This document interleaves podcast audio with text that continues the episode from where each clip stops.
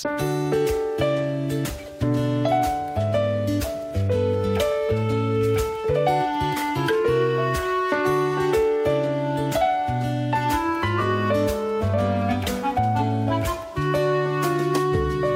You kept complaining, sitting the soul. Un quart i un minut d'onze del matí és hora del menja sa. You got me waiting, you got me looking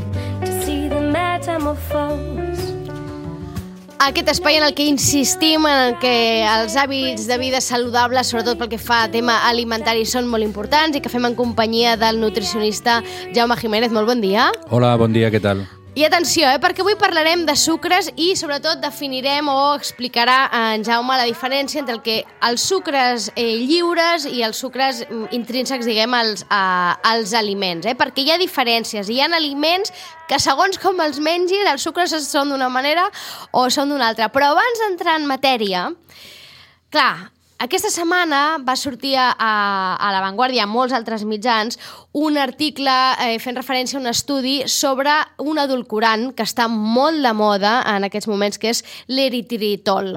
Eh, ja farem un altre dia un programa sobre adulcorants, perquè també ens donarà pel tema, eh? però aquest, eh, aquesta notícia, que d'alguna manera es va donar a conèixer aquesta setmana a través d'aquest estudi, eh, el que venia a dir és que l'ús freqüent de l'eritritol, que és un adulcorant que es fa servir molt, moltíssim eh, en la cuina, sobretot d'avui en dia, eh, podria, augment, podria augmentar el risc d'ictus i d'infarts, Jaume. I clar, aquí tots ens vam posar una mica les mans al cap perquè Sí. ara mm, moltíssima gent fa servir aquest eh, adulcorant perquè és un adulcorant, si no m'equivoco, que no té calories, no? I aleshores bueno, el venen com, un, com més saludable. Perquè clar, hem Mm. vingut amb aquest estudi i aleshores tots hem dit, caram, compte que a veure si aquí hi ha perill.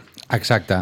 Sí, bueno, de fet, l'eritritol... Eri, eri, És difícil, eh? tri- Eritritol. Eritritol uh, és el eh, E968, per si volem mirar etiquetes. A veure, i també hem, que, que no condeixi a, El pànic, no? el pànic, no? perquè de fet nosaltres fabriquem endògenament, el cos fabrica una quantitat d'eritritol, d'acord? I el podem trobar a certs aliments, peres, uves, salsa de soja... Què passa? Que sí que és veritat que com a adulcorant, tu ja ho comentaves, té molt poquetes calories i això ha fet que s'utilitzi molt a reposteria, com, com, com sucre. Llavors, què passa? Que aquest estudi, que està publicat en una molt bona revista, que és la, la revista Na- Nature, Sí. o sigui, és, és bastant potent. El que parla és d'un estudi, és el primer que, que, que dona una miqueta de llum, perquè l'eri- l'eritritol porta molts anys ja, uh -huh. És, un, és, un, eh, és una investigació que té algunes limitacions importants que hem de saber perquè es, es divideix en tres fases. No? La primera és un estudi observacional sobre gent que ja té malaltia cardiovascular. Per tant, és possible que, evidentment, aquesta gent tingui més risc de patir sense prendre aquest tipus d'adulcorant. Però, bueno, és observacional, observen els nivells. No? La segona part de l'estudi és un estudi in vitro, eh, fora del cos, que el que s'ha vist és que sí que pot fer que les plaquetes siguin més enganxoses i això pot provocar trombos, ictus i tal. I la, I la tercera és un estudi en humans, d'acord? Però, clar, és un estudi on s'han donat unes quantitats d'eritritol de 30 grams, que això és impossible o quasi bé impossible pre- eh, prendre-ho durant el dia, D'acord. d'acord? Què passa? Que el que hem de tenir en compte és que eh, qualsevol adulcorant el que fa és augmentar l'umbral de dolçor. Què passa? Que eh, després fa que eh, no, sap, no tinguem els, el paladar eh, bé per tastar altres aliments. Això per una banda.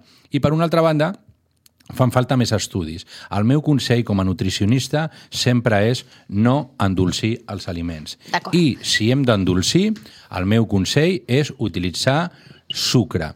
Però això no vol dir que estem recomanant el consum de sucre. Volem dir que, evidentment, no hi ha una quantitat segura de sucre. No hi ha. O sigui, no, no pensem que podem fer. Però si no, si no podem passar sense endolcir, utilitzar la mínima quantitat possible de sucre. Això serà sempre, des del meu punt de vista, millor que qualsevol altre producte de síntesi que, evidentment, i segons estem veient, doncs cada vegada hi ha investigacions i no seria estrany, no seria res estrany que d'aquí un temps sortís un altre estudi que mm, parlés d'aquest adulcorant amb uns potencials efectes negatius sobre la salut. Per tant, aplicar el principi de precaució. Per tant, si s'han passat a l'e- a l'erititrol perquè ara està molt de moda i pensen que és més saludable, compte, no. No. No és més saludable. No és més No és més saludable. salu- saludable. L'ideal que seria que no fes falta endolcir res, és a dir, que emprenguéssim els materials, ai, els materials, els productes, els, els aliments, amb el gust que tenen. Si hi ha requerir necessitat d'endolcir, com per exemple el cafè, no? que és un producte que la majoria Mm. endolcim, fem un sucre de tota la vida, eh, i amb la quantitat més petita possible. Exacte. I, I amb la idea d'anar reduint. Eh? Per tant, eh, compte perquè de vegades amb els edulcorants dedicarem un programa a parlar d'edulcorants, eh, Sí. perquè aquí hi entraríem l'estèvia, l'espartam, és que hi ha edulcorants a punta pala. La sacarina, que això ara ja sembla que ens hem oblidat, però quan jo era jove la sacarina va sortir i, i vaja, semblava també que, que havia Mm. de resoldre els problemes del sucre i tot plegat. Per tant, em, parlarem un dia de- I així ens va, d'edulcorants. Eh? així ens va, eh?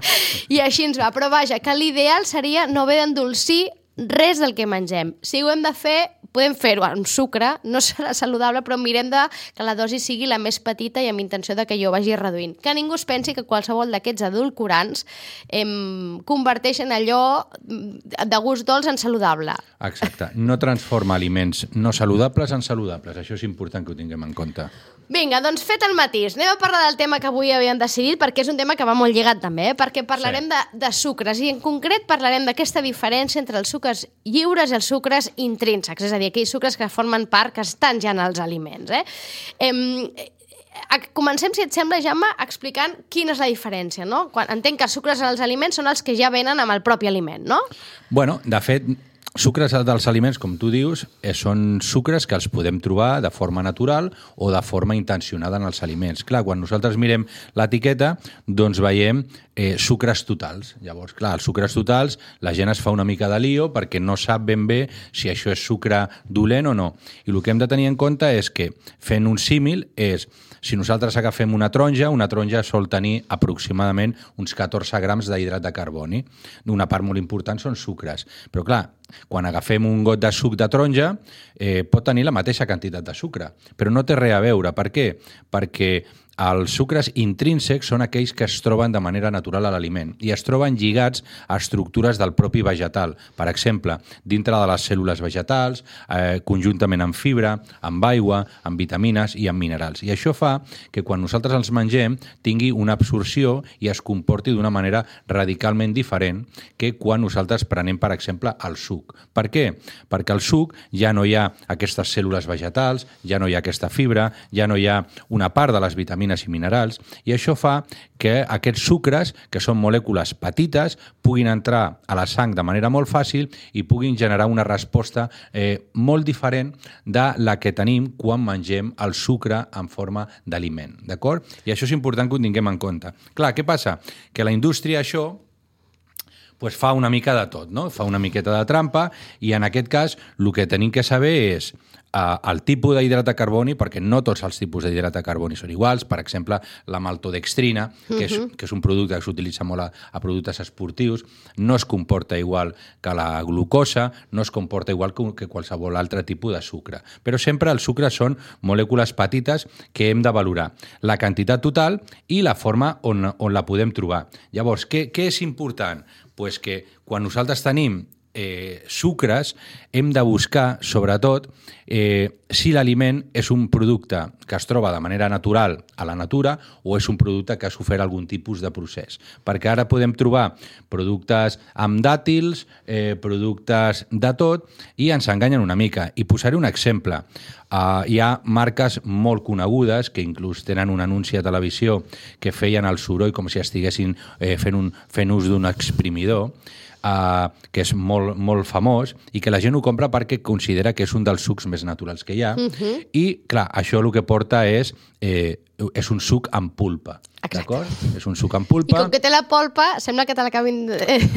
te la foten per aquí, no? Per què? Perquè la gent diu, hòstia, això té una consistència més sòlida, s'assembla molt a un suc natural, i al final el que han fet és, primer, és suc extret principalment de, de, de concentrat, vale? per tant, porta una quantitat de sucres molt gran, i li fiquen una mica de pulpa. Però això no transforma aquells sucres que estan en aquell producte lliures, no els transforma, no els lliga una altra vegada a la fibra, perquè són productes separats. Llavors, això es comportarà com, a, com sucres lliures que entraran al nostre torrent sanguini, provocaran un pic d'insulina, un pic de glucèmia i augmentaran tots els mecanismes proinflamatoris, perquè hem de saber que els sucres lliures tenen un efecte potencialment inflamatori en el nostre cos. Uh -huh. Per tant, bueno, no és exactament el mateix uh, un producte eh, com menjar-te una taronja que menjar-te eh, un go, o prendre un got de sucre... Clar, és que aquí ah, de, perdó, de, podríem de, posar com tres, ex, eh, tres exemples perquè la gent ho entengués, eh? És a dir, una cosa és agafar una taronja i menjar-te-la sencera, la talles i te la vas menjant. La, aquesta taronja té sucres, té sucres intrínsecs que formen part de la naturalesa d'aquest aliment. Exacte. Aquests sucres eh, no es comportaran a dins del teu cos de la mateixa manera que es comportaran si expremem aquesta taronja, perquè aquests, quan expremem la taronja, no, segons ara explicava en Jaume, alliberem aquests sucres i aquests sucres entren al nostre organisme d'una altra manera, es comporten d'una altra manera, de manera que, com que estan alliberats, van directament al, al corrent sanguini i fan aquests pics de glucosa, per tant, aquests sucres no es comporten de la mateixa manera que si ens mengem una taronja, la pelem, la tallem i ens la mengem. Per tant, la, el mateix aliment eh, eh, menjat de diferent manera eh, es comporta dins el, no el nostre cos, té una reacció diferent. Això passa també amb els dàtils que ara deia, que es fan servir molt els dàtils en reposteria. Una cosa és agafar un dàtil i fer-li una mossegada i menjar-te'l, altra cosa és aplastar-lo, aixafar-lo, exprema'l, per fer servir, fer una pasta de dàtil i que allò eh, fer-lo fer-lo servir com a substitut de no sé quin sucre no sé quin plat de reposteria. Aquells sucres s'han alliberat, per tant, és com si estiguéssim fent, posant sucre gairebé. Eh? S'ha trencat tota l'estructura vegetal i hem alliberat tots aquests sucres que són petits. Clar, el que hem de tenir en compte és que el que, el que diu, eh, el que diu la, la ciència avui dia és que la, la alta ingesta de sucres augmenta el risc de mort per totes les causes i en particular malalties cardiovasculars. Per tant, això ho hem de tenir clar. Hem de eh, controlar molt el consum de sucres. Però clar, diem, eh, és el mateix el gust que el sabor? Això és un altre dia que ens donarà per un, per un, per un programa perquè els sucres són molt dolents, d'acord? Però també hem de tenir en compte que moltes vegades aquests sucres a sobre van eh, barrejats amb greixos. I llavors això és una bomba absolutament. Per què? Perquè potencia molt el sabor, i això fa que mengem cada vegada més. Per tant, quan comprem productes tipo confitura sin azúcares añadidos, quan comprem eh, un producte a partir de dàtils que tu comentaves, quan comprem eh, fruita per a untar, d'aquestes que venen, o inclús, em sembla més perillós, no? El, aquests productes que es venen com a fruita per nens, que és sí, com un... que és com, com un petit, és com un iogurt bevible, com, com, eh? Exacte, un iogurt bevible que va amb el seu, eh, la seva obertura. Això és sucre, absolutament, és sucre lliure que, diguéssim, els pares i les mares és que, de doncs fet... ens enganyen perquè posa ja Només cal tastar-ho, no? eh? Que ho menges és com prendre dos, una cullerada de sucre pur perquè és dolç, dolcíssim. No hi ha cap fruita que de la seva... No, que no. per molt dolça que sigui, ting, sigui tan, tan, tan dolça. És gairebé empalagós, aquest producte, eh? Exacte. És com, per exemple, quan comprem iogurts de sabors. Iogurts de sabors que podem comprar, doncs cada iogurt porta aproximadament uns 15 grams de sucre. Quan, Ca- quin cada és el iogurt. tope de sucre que hauríem de prendre al dia? Això és Tenint una, en compte que l'ideal seria zero, eh? Això és una cosa molt interessant, no? Perquè diuen, no, és que l'Organització Mundial de la Salut va dir que uh, uh, 50 grams al dia. No, això no ho diu l'Organització Mundial de la Salut. L'Organització Mundial de la Salut el que diu és que no hi ha una dosi segura de sucre. En cap cas eh, eh, a partir de 50 grams. Però és que 50 grams de sucre al dia és molt. És molt. O sigui, que la gent no pensi, ah, bueno, puc menjar una, una petita quantitat. No, hem de menjar el menys possible per la nostra salut, però sobretot per eh, que estem eh, retirant certs aliments que diem que no saben a res, justament perquè tenim un paladar hiperestimulat justament per aquest tipus de productes amb sucre.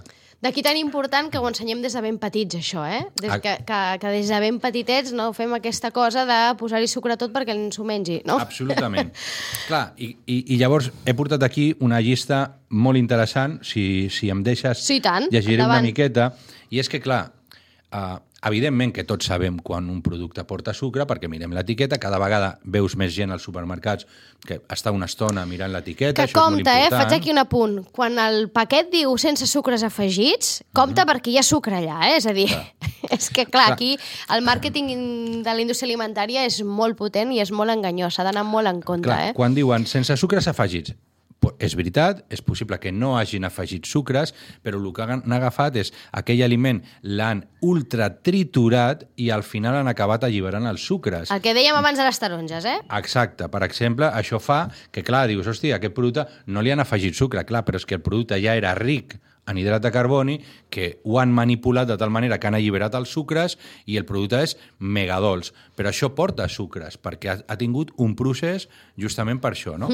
I una altra cosa és que podem trobar a l'etiqueta noms que no entenem i al final ens estan donant sucre. Per tant, jo diré uns quants perquè la, Vinga. llista, la llista és... És llarguíssima, eh? llarga.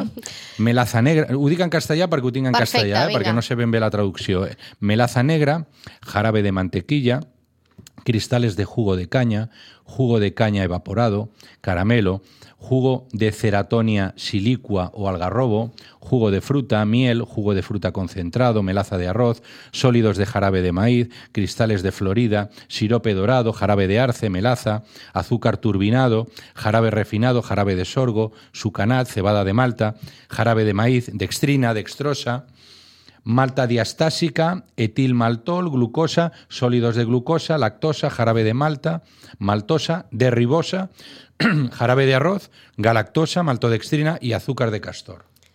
Tot això és sucre. Tot això és sucre, o sigui que si comprem un producte... I té alguna d'aquestes paraules, o paraulotes, gairebé diria jo, perquè sonen totes molt rares, però vaja, eh? Una entelèquia, No cal saber-les del tot, tampoc, eh? Si veuen que posa jugo, o suc, o, eh, o que posa eh, xarop, jarabe, de no sé què, és que ja pensin malament. Ja La dexarosa, tot això que acaba amb orosa, també pensin malament. Habitualment, sí. Eh, normalment tot això són sucres. I compte que és el que, co- d'alguna manera, avui volíem explicar bé. eh?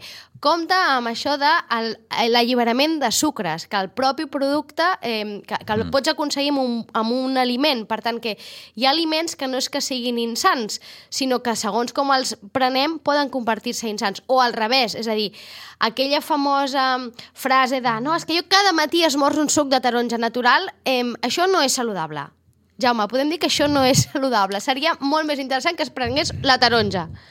Cada dia no és, ho podem dir, no és saludable prendre cada dia un got. A part, no sol ser un got, un got petit, sinó que la gent... Sí, perquè no es posa una taronja, no es prems una taronja i prou, Exacte. prems 4 o 5, sí, clar, sí. si poses 4 o 5, calcula 14 grams de sucre per cada taronja. És que clar. Pues calculem que et fots 60-70 grams de sucre lliure de bon I matí. si a sobre li poseu una culleradeta de sucre, que això també hi ha gent que ho fa, aleshores ja la cosa es multiplica. Per tant, si cada dia us senta bé la taronja, millor agafar una taronja i la peleu. I preneu Exacte. una taronja peladeta, que en aquí els sucres no estaran alliberats i, per tant, aquests sucres no estaran fent eh, aquesta funció d'alguna manera eh, dolenta o perillosa, fins i tot eh, dins el, eh, el, el nostre organisme. Tampoc passa res si prenen un suc de taronja natural. Clar, tampoc Ni no molt menys. O sigui, demonitzar, eh? Però... Sobretot, jo sempre dic que el que fa dolent un aliment és la quantitat i la freqüència. Si tu vols menjar-te un suc, no passa res. Però cada dia un suc, aquí tenim un problema. Clar, la gent diu, no, és que si no, no me Clar, però és que hi ha gent que diu que és molt saludable això. Cada dia el suc de taronja pel nen em, em desperto per fer un suc de taronja al nen. Doncs el que estem fent no és tan saludable, malgrat Ah. ens pensem que ho és, eh? perquè hem comprat les taronges amb tot el nostre amor, les hem expremut amb, Amb tot, tot el nostre amor, evi- evidentment. i li donem a la criatura pensant que això és molt saludable. Doncs valdria més la pena que ensenyéssim a la criatura que es mengés la taronja a trossos. I al tanto amb la mel. Amb la mel i els siropes, perquè la mel porta sucres lliures. Per tant, oh no, jo li fico mel, eh, infusions, correcte. Cada dia dos, tres infusions amb mel. Doncs anem, anem sumant, anem sumant, anem sumant, i això ho hem de tenir en compte, perquè, clar, posar-li un dia, ara que fa fred, una infusió amb mel, no passa res, pot anar... Eh, és reconfortant, però clar, si cada dia fem de manera habitual i fiquem el suc, podem tenir la idea de que estem menjant hipersaludable I no. I no és així. Clar, aquí al final el problema és com aquest autoengany, no?, que ens fem tots plegats, eh? que no, al final és, no és culpa tampoc només nostra, és culpa de tot plegat, del que ens ensenyen i del que no ens expliquen, no? I d'aquí també l'interès d'aquestes seccions i d'aquests espais perquè ens expliquin aquestes qüestions. És a dir, allò que de vegades pensem que és saludable, no ho és tant de saludable. Aleshores, hem, es tracta de tenir consciència, entenc, Jaume, que l'important és tenir consciència, no? Cada, cada vegada que prens alguna cosa amb mel, amb sucre, amb qual... que siguis conscient que allò que estàs prenent no és tan saludable. Tenint en compte això, és probable que rebaixis la dosi, no? El problema és quan t'ho prens pensant això és molt saludable, em puc prendre mm, quatre gots de, de suc de taronja cada dia. Home, doncs Això passa molt amb els edulcorants, Exacte. no? Que, bueno, com això doncs, no porta calories, doncs al final la gent acaba menjant molt més d'això, és la sensació de falsa seguretat, no? Llavors, clar, hem de tenir en compte productes per persones amb diabetis, tot, tot això. És, és un I tema d'aquí que... aquestes falses idees de no puc prendre, si tinc diabetis, no puc prendre fruita, que això el Jaume ja ho explica moltes vegades, no passa res, pots ser diabètic, pots prendre qualsevol tipus de fruita, I si la prens sencera. Altra cosa és que l'expremis. I tant. Aleshores no, però la sencera la pots prendre qualsevol tipus de fruita. A- Ja sabem que la, la fruita té eh, sucres intrínsecs, però Evidentment. dins de l'organisme, com que entren amb les fibres, amb aquestes altres cèl·lules, funcionen d'una altra manera. I al final això és el que hem, hem d'acabar entenent, no? que, que millor la fruita sencera. Sempre, sempre, absolutament. I aquests sucs que ens venen en polpes hipernaturals, sense sucres afegits, em, em, em, no. Nèctar, no? Per exemple, nèctar. No. Això és aigua amb sucre. És- Realment, és, el, el nèctar és aigua amb sucre, tal qual. És Sí, com si... per- i a més és veritat que per tot el que té a veure amb canalla eh, li posen dolç. De fet, fins i tot ho fan amb els medicaments. Clar, perquè Bueno. el paracetamol infantil, Vamos. mm, conegut per tots com l'epi- l'apiretal, és paracetamol amb sucre, per això agrada tant. I el dal- i el I el dalsi un altre. és un xute de sucre que després els hi dones als nens i es pugen per les parets. Clar, cuida, clar. I és del sucre. No és l'efecte de l'ibuprofè, eh? Mm. És el sucre que fa que pugin per les parets. Per tant, eh, al final aquí eh, una mica, mm, Jaume, els nutricionistes esteu com tota l'estona picant de cap contra el mur de la indústria alimentària, eh? Absolutament. Per, I, i una, una última cosa, eh? Per exemple, la, una famosa beguda de cola Sí. porta tanta quantitat de sucre que si no portés components com l'àcid fosfòric, vomitaríem. Ostres. O sigui, mm, part dels components que aporta aquestes begudes de cola és perquè toleris l'alta concentració de sucre. D'acord? O sigui, hem de, hem de prendre consciència. Doncs vinga, avui, mm, perquè tots aquells amants de sucre, del sucre estaran contents avui, eh? Els hem endolcit al matí. Exacte. Jaume, moltíssimes gràcies. A Ens veiem en vosaltres. 15 dies.